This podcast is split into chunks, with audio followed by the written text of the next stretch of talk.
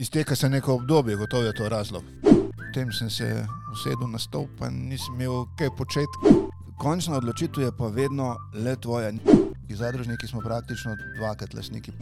Enostavno smo premoženje odkupili z denarjem, ki smo ga zadružniki fizično prinesli. Nekaj dobrega, velikega smo pa res naredili. Pri direktorovanju je seveda važno, da če si na vrhu, da nisi kot šef, ki nekaj talaš, ampak da si pač v službi tvojih zaposlenih. Dobrodošli v hiši, podkastu za vse in o vsem o hiši, kdaj tudi o hišni miši o tistih, katerih dom je hiša, in za tiste, katerih hiša je tržna niša.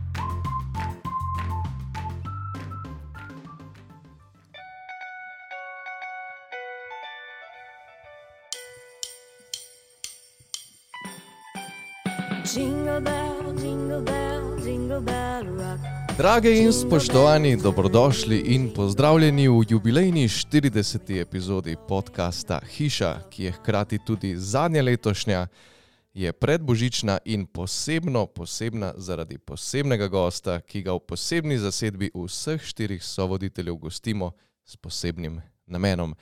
Z nami in z vami je generalni direktor MSORE Aleš Dolenc. A se moram pozdraviti vse skupaj. Ja, lepo pozdravljeni vsi skupaj. Hvala za povabilo. Ne vem, če sem res tako posebno poseben, kot si ti omenil prej. Za nas si, oziroma nam si.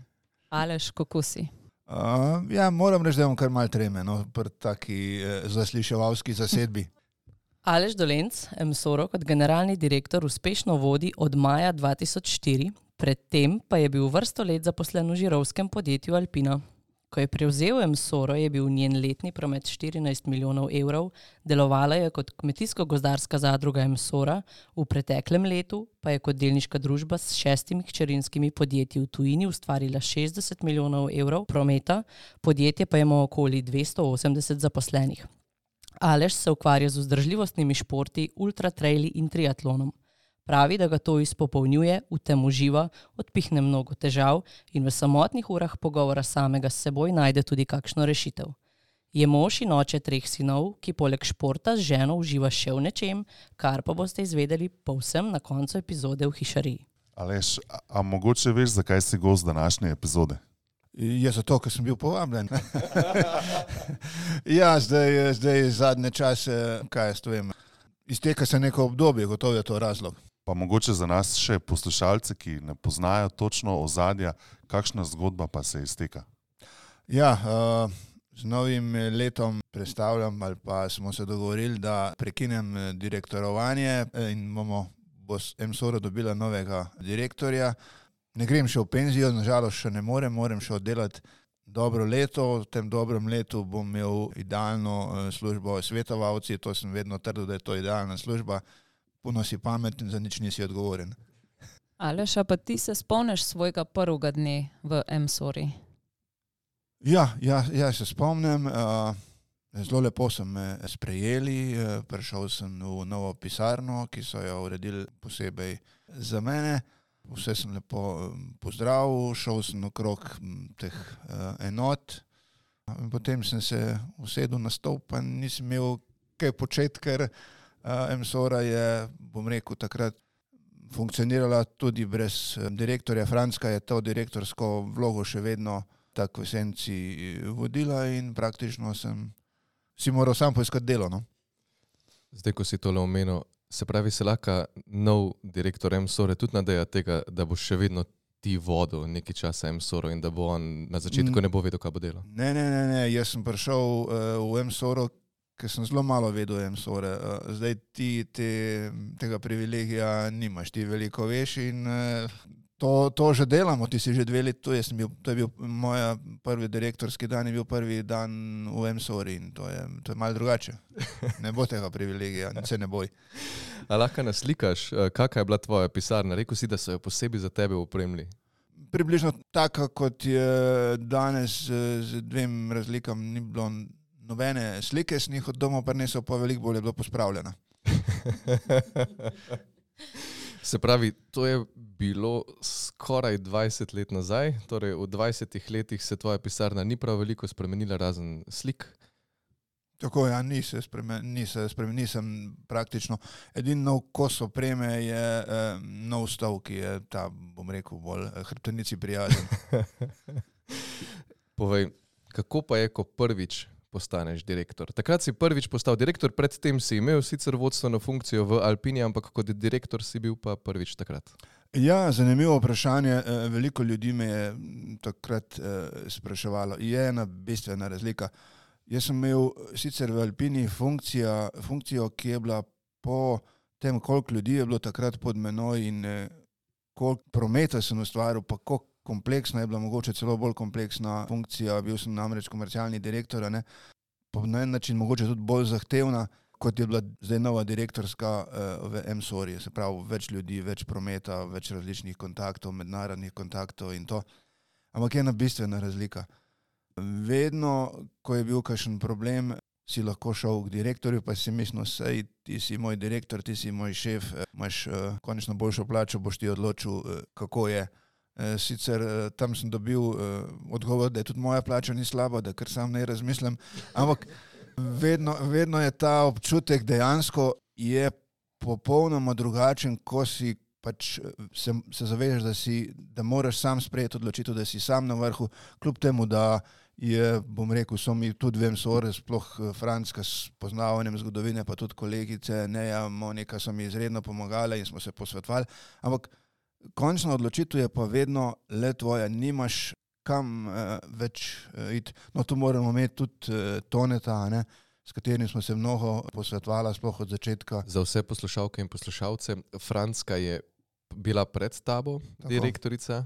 To ne je pa predsednik zadruge. a Tako. ne. Ampak vseeno, pač neko odločitev mora sprejeti in to je bistvena razlika.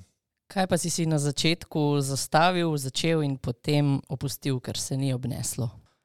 Ha, to, to je zanimivo. Zdaj, kot sem rekel, to je bil moj prvi dan. Sicer sem prej jaz ogromno uh, se pogovarjal z, in s Fransko in s Tonetom in z, Mon z Moniko, z Nejo, kako si to predstavljajo, kaj naj bi bila moja vloga, kako si one same predstavljajo razvoj.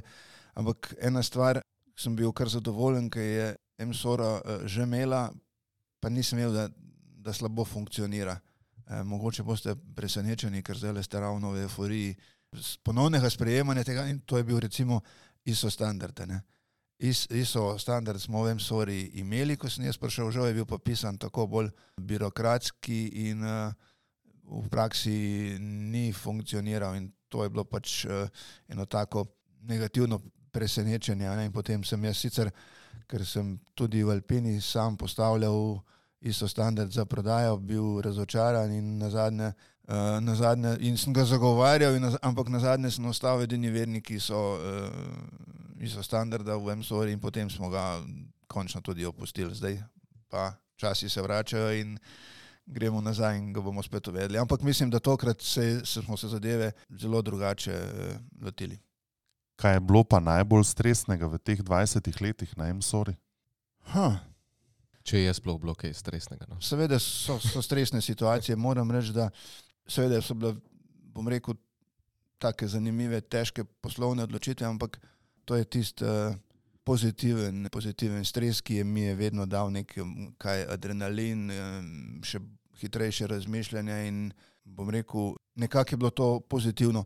Mene uh, so, bom rekel, tak stres, ki si predstavljam, predvidevam, da si to rekel, kaj je bilo, da te dejansko najbolj uh, pretresa z roka, so bili redki, ampak seveda v 20 letih se naredi kakšni nesporazumi med nami v vodstvu, se pravi, ok- okrog lahko tudi kakšnih, bom rekel, malenkosti, to v bistvu um, najbolj nažira živce, mir, bom rekel, če v teh odnosih kdaj kaj zaškriplje. To je v bistvu kar najtežje. Največ sem imel s tem problemov. Ogromno enih odločitev si sprejel v tem času tvojega direktorovanja, a bi znal izpostaviti eno najpomembnejšo. Ja, če že moram, mislim, da je bilo to ustanovitev delniške družbe, ki je, bom rekel, še vedno unikom v tem zadružništvu. Ne? To je bila res ena taka, bom rekel, takrat in še danes čisto nova m, pač odločitev, sicer jaz sem prepričan, da pravilna, utemeljena in če jo ne bi naredili, ne bi, ne bi bila jim sora to, kad je. ampak je bilo to res, praktično smo stopili v en neznan korak ali pa nepričakovan korak za, za, za vse zadruge. Se pravi, to je bilo leta 2006. je bil ta 2006, ja. preoblik. Ja. Ja.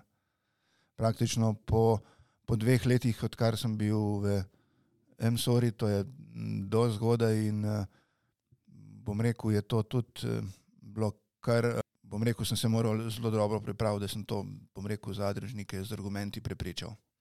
A lahko poveš malenkost več o tem? Do leta 2006 je bila to zadruga MSORA, na to se je preoblikovala v delniško družbo. Zadruga še vedno obstaja. Zakaj se je preoblikovala v delniško družbo in kakšen je odnos? Mislim, da ljudje ne vejo točno, kako je MSORA v resnici sestavljena, kot cela MSORA danes. Ja, eh, pač zadruga, takrat je bila mm, zadruga in potem smo rekli, zaradi predvsem dveh razlogov. En tak, bom rekel, vsebinski je praktično v tem, da to zadružno premoženje je pravno, formalno še vedno nek ostanek družbene lastnine, če gledamo to računo, računovodsko. In v tem času so se, v tistem času no, so se kar pojavile neke teže, da treba tudi s tem zadružnim nekdanjim družbenim premoženjem nekaj storiti, ga po domač povedan, privatizirati na tak ali pa drugačen način. In ta ideja, bom rekel, je bila takrat živa, meni pa čisto nič všeč. po domač povedan je lahko neko idejo, da bi vse zadruge v Sloveniji dali v nekih Hondlih in potem bi pametni dečki v Ljubljani to malo šofirali levo, desno in seveda mi bi pa pridno delali. ne. To je bil en tak, bom rekel, čisto sebinski razlog. ne. Moram reči, da v zgodovini se je zdaj to eh, spremenilo in zadruge dela, so smatrane eh, bistveno bolj pozitivno, kot so bile, kot so bile takrat, čeprav ta ureditev v Sloveniji še ni čisto v redu in ni, bom rekel, podobno, kot je v drugih državah, tudi zahodnih. Jaz, ko se hecam včasih ali pa mal pretiravam, pravimo, da eh, zadrugo pač v Sloveniji mediji, politiki, javnost še vedno obravnavajo kot en kolhoz. Uh, drugi je bil pa čist praktično razlog. Ne? Ko smo postavili mm, tole zgradbo Mizarstvo, takrat 2006, a ne, je imelo Ministrstvo za gospodarstvo razpis za nepovratna sredstva, ki je bil pisan na kožo, kot da bi sam pisal, kakšen razpis bi želel, za, da dobimo sredstva, da to postavimo. Takrat je bil razpis za popolnoma novo investicijo, za novo zgradbo, za tehnološko prenovo, za nove stroje, praktično vse, kar smo mi takrat rabili. In to je bilo takrat razpis za 3 milijone evrov, bi jih lahko dobili. Odpravljeni smo bili samo z enim stavkom. Zadruga ni upravičena do razvojnih pomoči. In ko sem jaz potem protestiral na ministrstvo za gospodarstvo, ki je te pomoči delilo, sem dobil odgovor, tako na eni strani popol, ko so to utemeljevali, ključni je bil pa en stavek, ki ga vedno, ki ga, ki ga znam še po tolikih letih na pamet.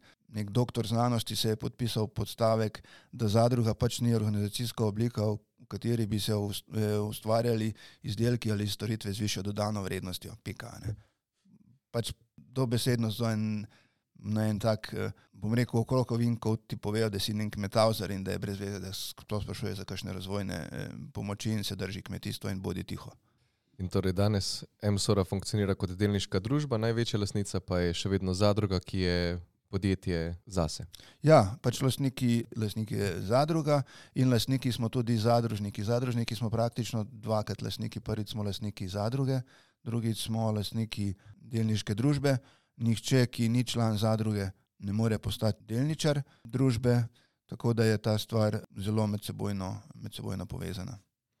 E, pa še to bi povedal, ne, ta transformacija ni bila narejena, bom rekel, na podlagi nekih zaslug ali pa nekih delitev, ampak enostavno smo premoženje zadruge odkupili z denarjem, ki smo ga zadružniki fizično prinesli. Tole solastništvo, o katerem govoriš, je tr trenutno precej vroča tema tudi v Sloveniji. Sicer se veliko govori o DVSoftu, ampak naprimer MSORA, pa Domel, pa že leta in leta tudi etiketa imajo takšno obliko solastništva. Misliš, da je solastništvo tisto, kar bo prihodnost podjetništva? Solastništvo zaposlenih, seveda.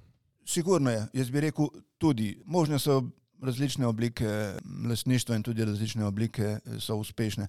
Pri nas imamo pač eh, v Sloveniji problem, ker smo obremenjeni z eh, bivšim sistemom, socializmom, samoupravljanjem, ampak eh, lastništvo zaposlenih je v zahodnem razvitem svetu sigurno en enakovreden eh, model lastništva in kot takega mislim, da ga dobro, da ga v Sloveniji čim prej vzpostavimo. Ne neki, neki način, ki bo rešil vse probleme, nikakor eh, ne, ampak vsaj kot enakovreden, model. Zdaj pa pač ni še vedno imamo neke averzije proti, proti tem načinu. Tako da jaz upam, da se bojo zadeve počasi spreminjale. Moram reči, da, pa, da je pa veliko več govorjenja, kot je pa, bom rekel, konkretnih zakonskih sprememb, ki bi ta način eh, lastništva eh, motivirale z davčnimi olajšavami, z, sploh z samim eh, sprejetjem v družbi. Vedno so neki, neki čudni, neupravičeni pomisleki, ki jih mogoče v Nemčiji, Švici in tudi v Ameriki niti nimajo. Se vrnem spet nazaj na direktorovanje. Se po tvojem mnenju direktor rodi, se nauči, se priuči, zraste. Včasih je bilo verjetno večina direktorjev, menedžerjev, ekonomistov, ki so imeli neko formalno izobrazbo v ekonomiji. Kako je tvoje mnenje glede tega? Pa kaj jaz vem, eh, jaz vem samo tako. Jaz sem sicer študiral ekonomijo, ampak na ti ekonomiji sem pristal bolj po nesreči, ker edino takrat je bil edini faks, eh, ki je imel računalništvo v svojem programu. Ne govorim zdaj o, rekel, o programiranju računalništva. Ne? Jaz sem zelo rad imel v srednji šoli matematiko, računalništvo, v tem sem užival in sem pač iskal neki študij, kjer bi bilo to omogočeno in sem pristal na ekonomiji, ki mi kot taka nikoli prej ni bilo kaj všeč, sploh pa kakšen knjigovodstvo, pa te zadeve, ne da mi ni bilo všeč, ampak bilo res zelo daleč stran. Bolj sem bil po naravi matematik, naravoslovc, pa to jaz sem recimo kolebo med, študi, med študijem ekonomije in fizike.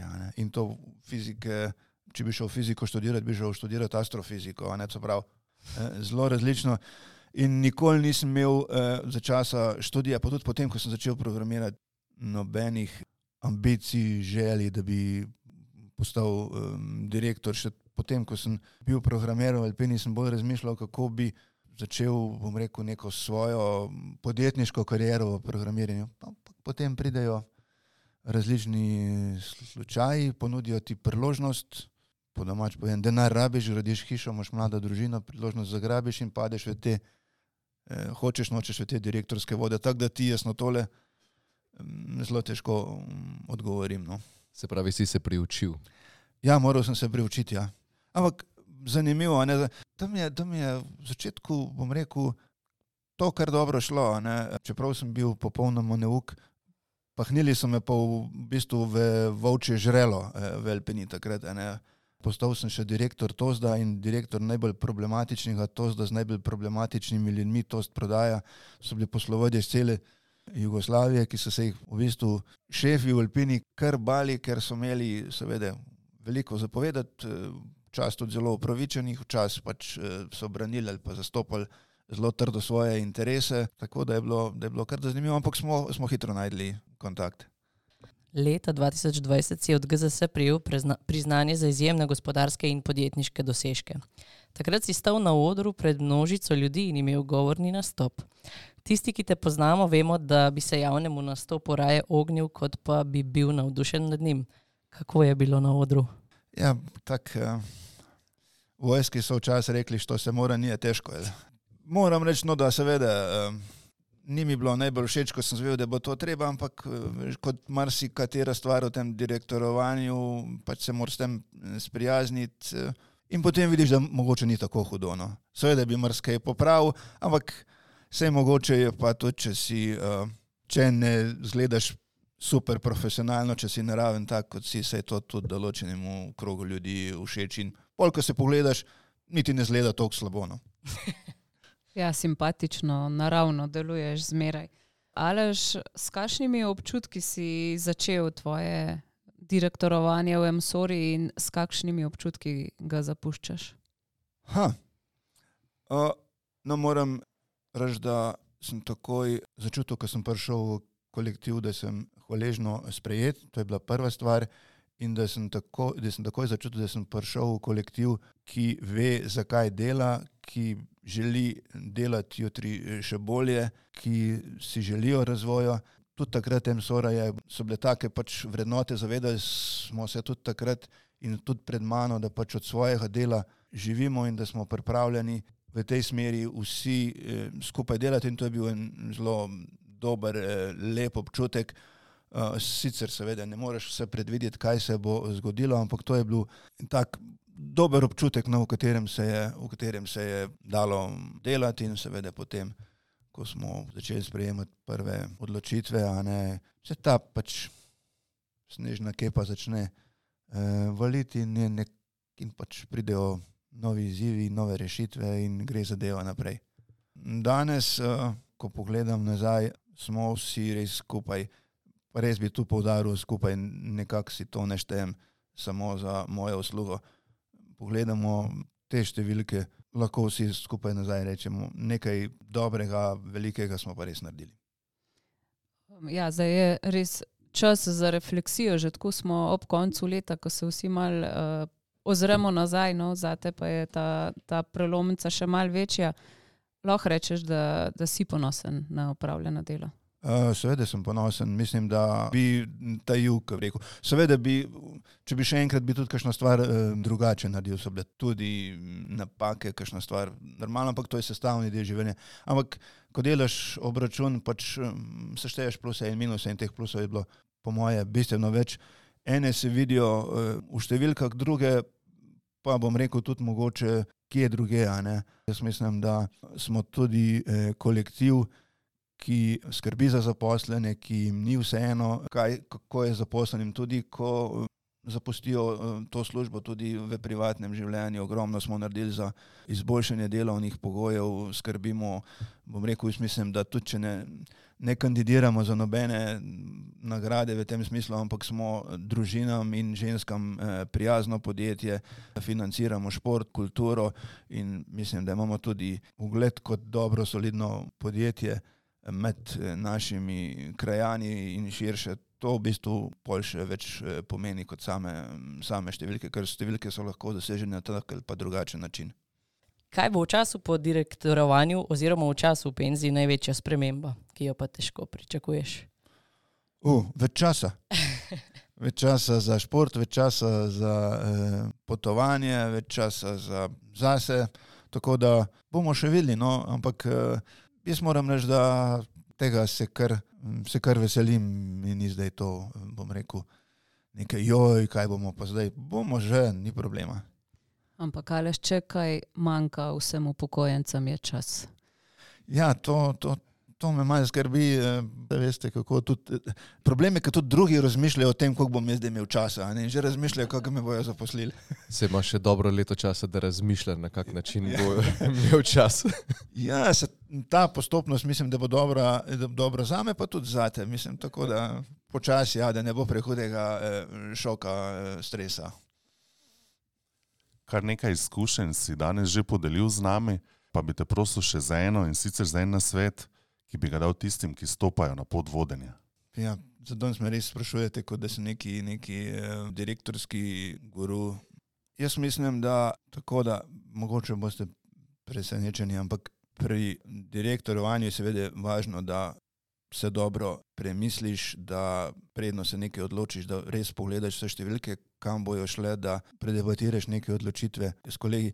Ampak nekaj, nekaj mogoče, kar v eh, Sloveniji, pa niti ne toliko v gospodarstvu, ampak bolj v politiki manjka. Eno zavedanje, da če si na vrhu, da nisi eh, kot šef, ki nekaj eh, talaš, ki nekaj deliš, ki nekaj odločaš, ampak da si pač v službi tvojih zaposlenih, tvojih lasnikov in da je neka mera ponižnosti, empatije, ali pa ne vem, kako bi se to prav izrazil, tudi nujna. Ne? Če ne, pač eh, hitro ostaneš sam.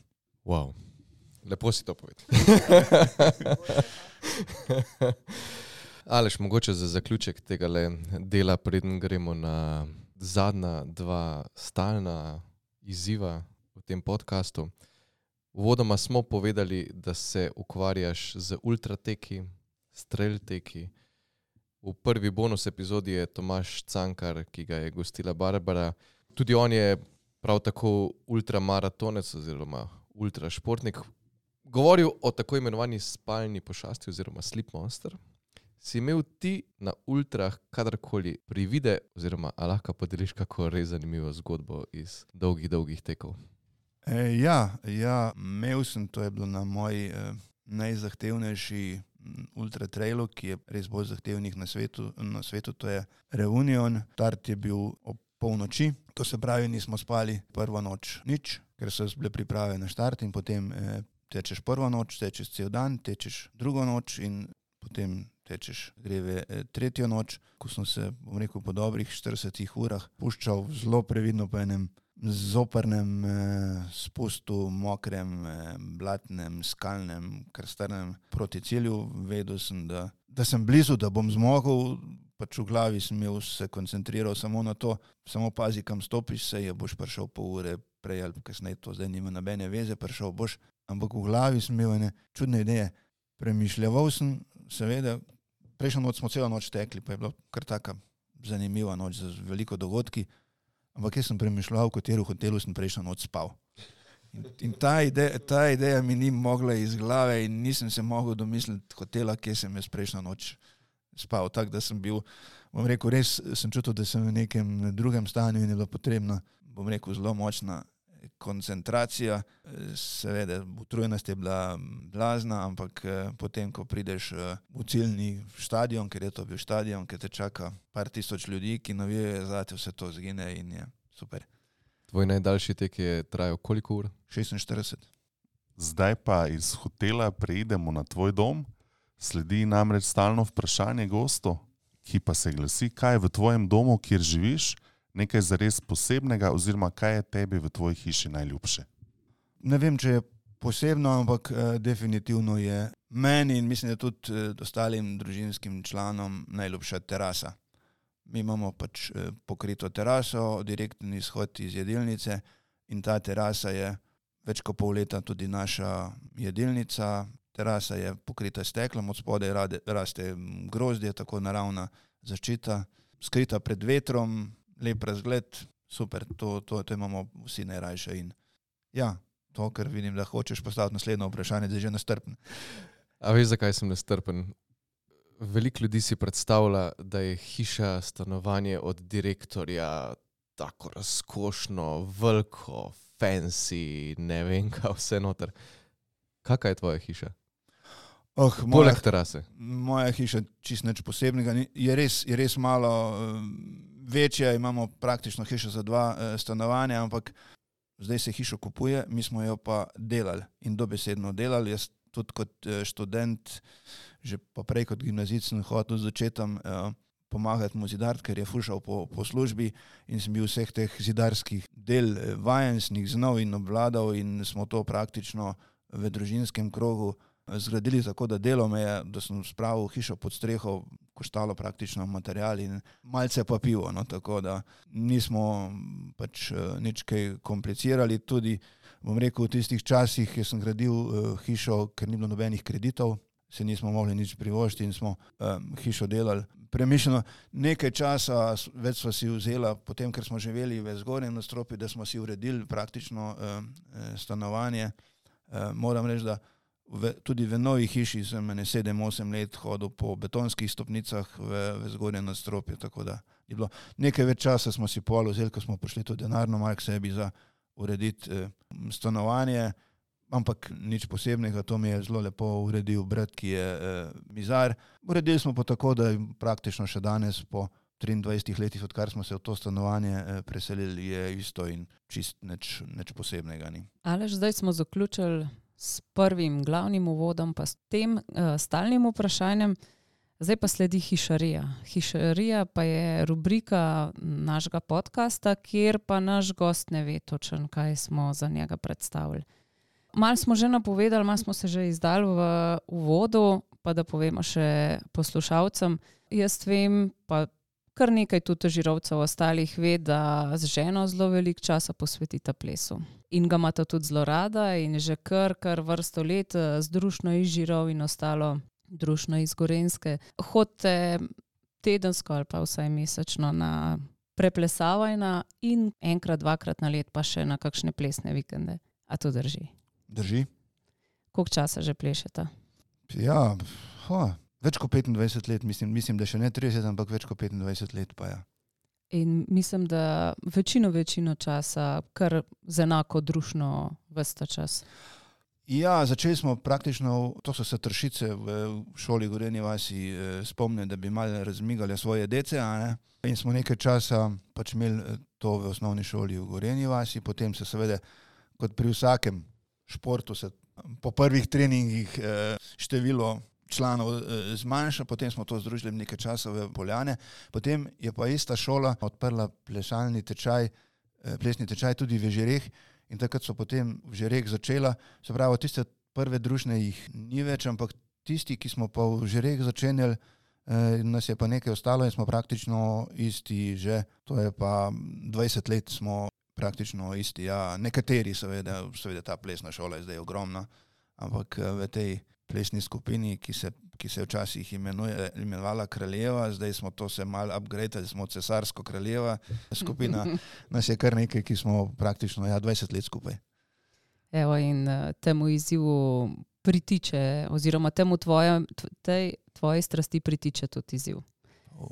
Nič težkega, preplesavate veliko, muske poznaš ogromen, zdaj bomo pa na šest zavrtenih skladb ugotavljali, kater ples se pleše. Si Boga. Začnemo s prvim.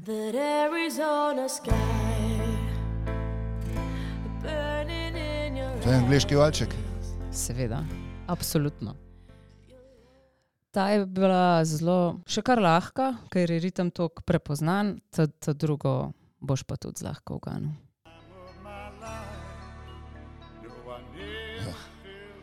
To je pa eh, iz, iz tega filma eh, Dirty Dancing, Mamba. Mambo, ja, drži, bravo. Evo, tretjega imamo pa mal v hitrejših ritmih.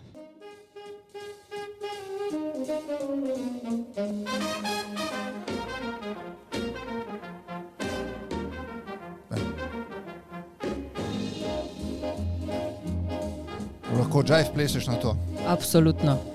Lahko tudi disco fox, ampak jive je še boljše. Ja, za take profesionalce, kot ste vi, pa Disco Fox ni na tako mat. Evo, imamo še ta pred zadnjega.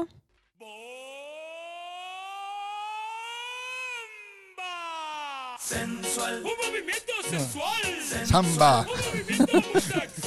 Čist prelahke sem ti izbrala. Tale ta zadnji ga pa na pamet znaš.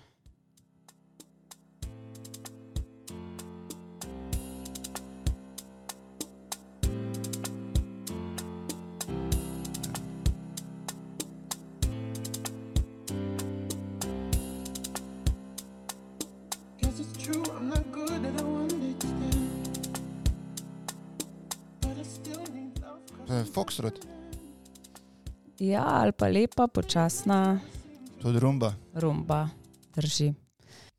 Evo, zadnji komat, to je ta, ki sem mislila, da je že predhoden, je pa mislim, da vas spremljal na zadnji vaši ekspediciji.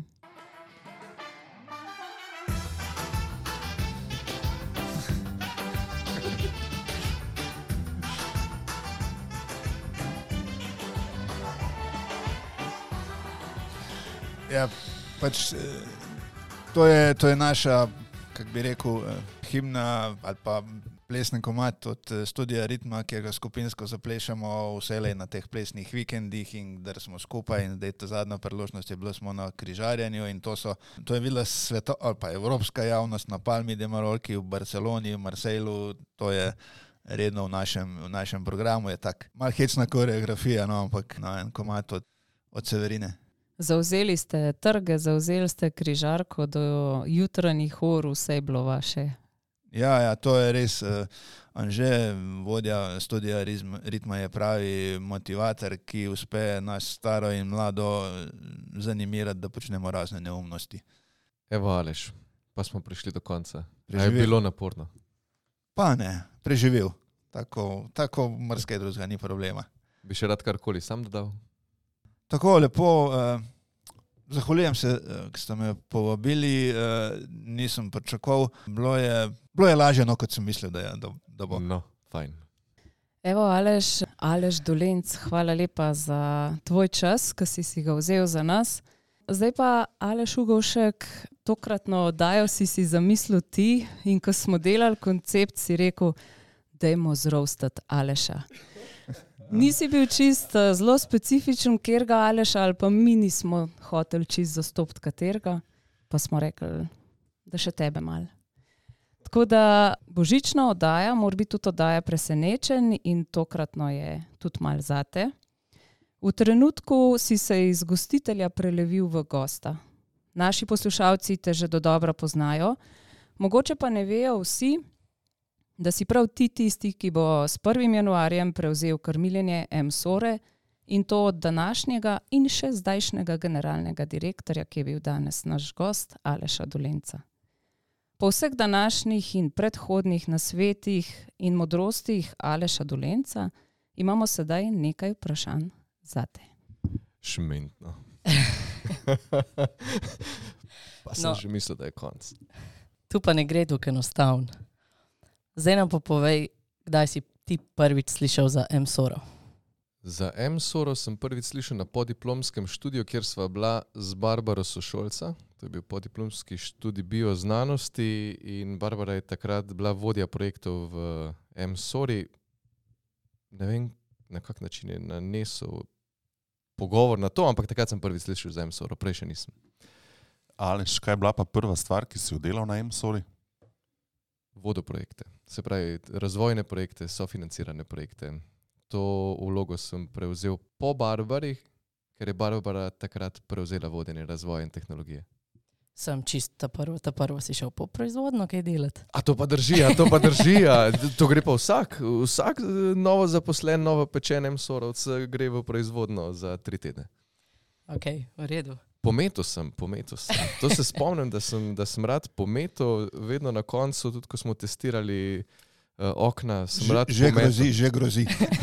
Ne, ne, ne, nič, nič, nič. eh, Dobro se spomnim eh, enega sodelavca, zdaj pa že v pokoju, eh, Štefana, je vedno gledal, ah, a tako dolgo si študiral, zato da boš zdaj pometel. Ja, Aleš, kar hitro te je pot zanesla v oknarsko industrijo, pa nam povej, kaj je zate okno. Okno je element hiše, ki me ščiti pred zunanjim mrazom, ki mi spušča svetlobo v notranji prostor in ki mi omogoča res čudovite poglede navzven, sploh zdaj, tja, kamor se selimo, so čudoviti razgledi. Kdaj ste se pa z Alešem prvič srečala? Vidva. Uh, na razgovoru. Alešem Dolencem. Ja. Na razgovoru. Ja, Ja, tamle. Tako v sosednji pisarni. Na razgovoru so bili Barbara, Neja in Aleš. In takrat sva se z Alešom prvič srečala. Takrat je bil Aleš Ugošek s, s takimi lesmi, širokimi, na- zaručenimi, dolgimi, uh, mlad, nadobudnež, ki pa je, ki pa je že jaz vedal, um, željan znanja in novosti. Tako da ja, nas je, mislim, da ni bil treba, nismo imeli ta drugega razgovora. No. Jaz bi dal samo en komentar na frizuro. Jaz te takrat sicer nisem videl v živo, sem pa videl to sliko na enem predavanju, ki si ga imel. In moram reči, da sem Aleša prepoznal na podlagi tega, ker sem poznal ostale ljudi na sliki. Aleš, zdaj boš vstopil v velike čevlje, ko boš prevzel novo funkcijo. Kako se pa počutiš ob tem, ko boš prevzel odgovornost in ko boš v bistvu nasledil takšnega predhodnika? Tale izraz stopanja v, velike čevlje je meni bil vedno ful klišejski. Se mi zdi, da nikoli ne stopiš v čevlje nekoga drugega. Zato, ker vedno imaš obute svoje čevlje, kakršne imaš. In s tistimi greš naprej. Jaz z velikim ponosom sprejemam tole vlogo po Alešu. Eh, Če bi govorili o, velikih čevljih, pa o tem, eh, do kam je zdaj zrasla M-Sora, so to brez dvoma veliki čevlji. Nimam pa občutka tega pritiska, da bi stopil v velike čevlje.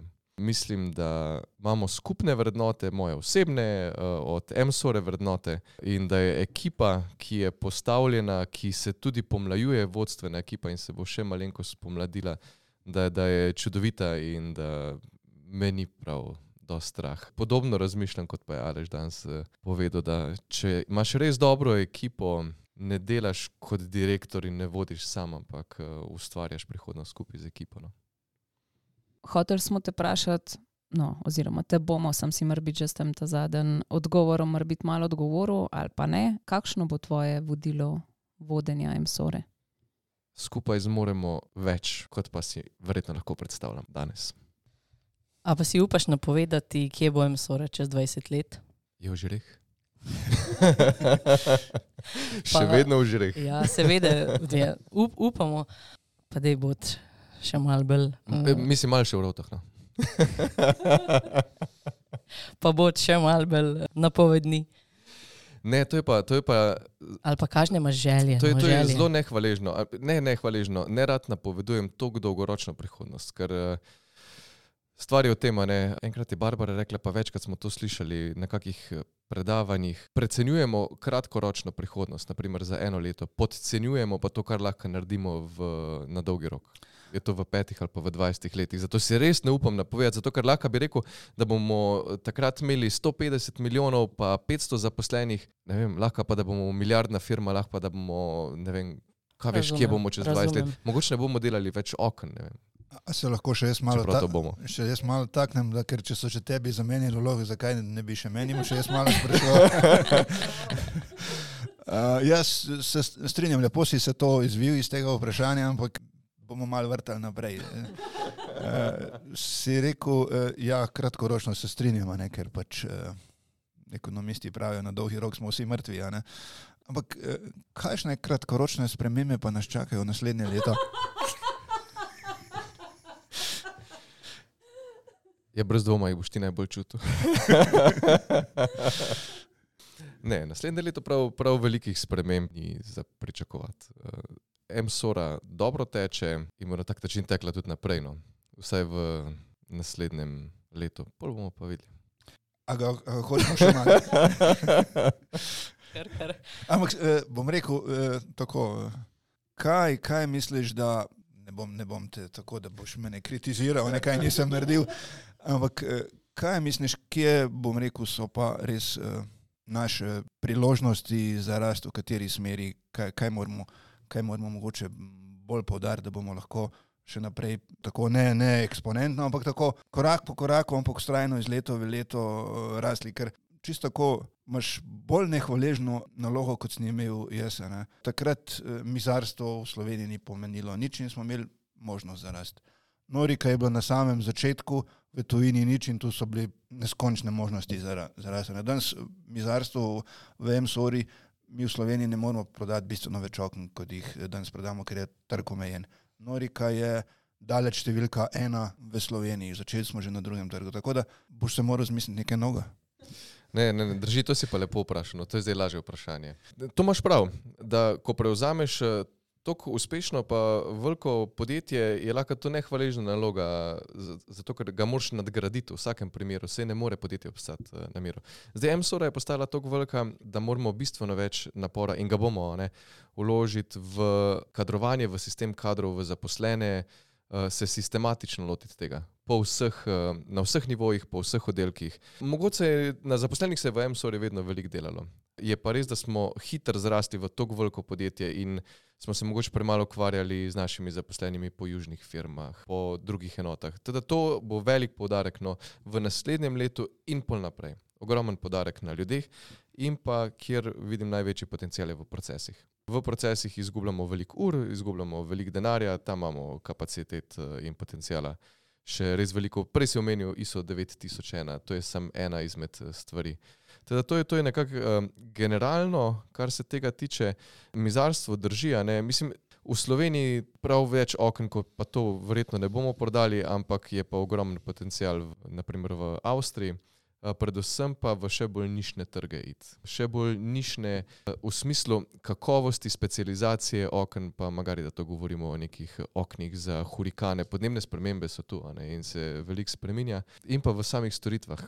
Storitve so tista stvar, eh, ki jih počasi, počasi upeljujemo na mizarstvo. Eh, Govorimo naprimer o servisnih pregledih za okna. Nek, to je nekaj takega, kar v Sloveniji še ni poznano, mi smo začeli ponujati, oziroma začenjamo s to storitvijo, da vsaka naša stranka pred iztekom eh, garancijske dobe lesenih oken dobi ponujen servisni pregled, ki je plačljiv, ob tem pregledamo vsa okna in tudi podaljšamo garancijo. S tem vzdržujemo stik s stranko še vnaprej in pa predvsem nagovarjamo tisto bolečino, ki jo ljudje imajo navadno pri lesenih oknih. Kaj bo z lesenimi okni čez 5-10 let, ali bojo ta okna v, na, v narekovajih zgnila. Se pravi, te storitve so ena stvar, Eh, kar se tiče panorike, ko si omenil, uh, ja, drži uh, številka ena, je pa res velik potencial še za rast na Balkanu. Torej, in v, na Kosovu, in v Tirani, in v Skopju, pa še seveda na Hrvaškem, pa še kakšna druga država se bo našla. Ok, ne bomo te več matrali. Aleš in Aleš, hvala obema, da sta bila naša gosta. In hvala tudi vsem, ki ste bili z nami v jubilejni 40. epizodi podcasta Hiša. Začeli smo zbiranjem vsebin in gostov podcasta za naslednje leto, zato nam na hiša afnam-sora.si pišite, če imate željo ali predlog. Ponovno se slišimo po novem letu, januarja 2024, ko vas bomo razveseljevali z novimi in poučnimi vsebinami. Hvala, ker nas spremljate. Želimo vam čudovite praznike in vse dobro in srečno v vaši hiši.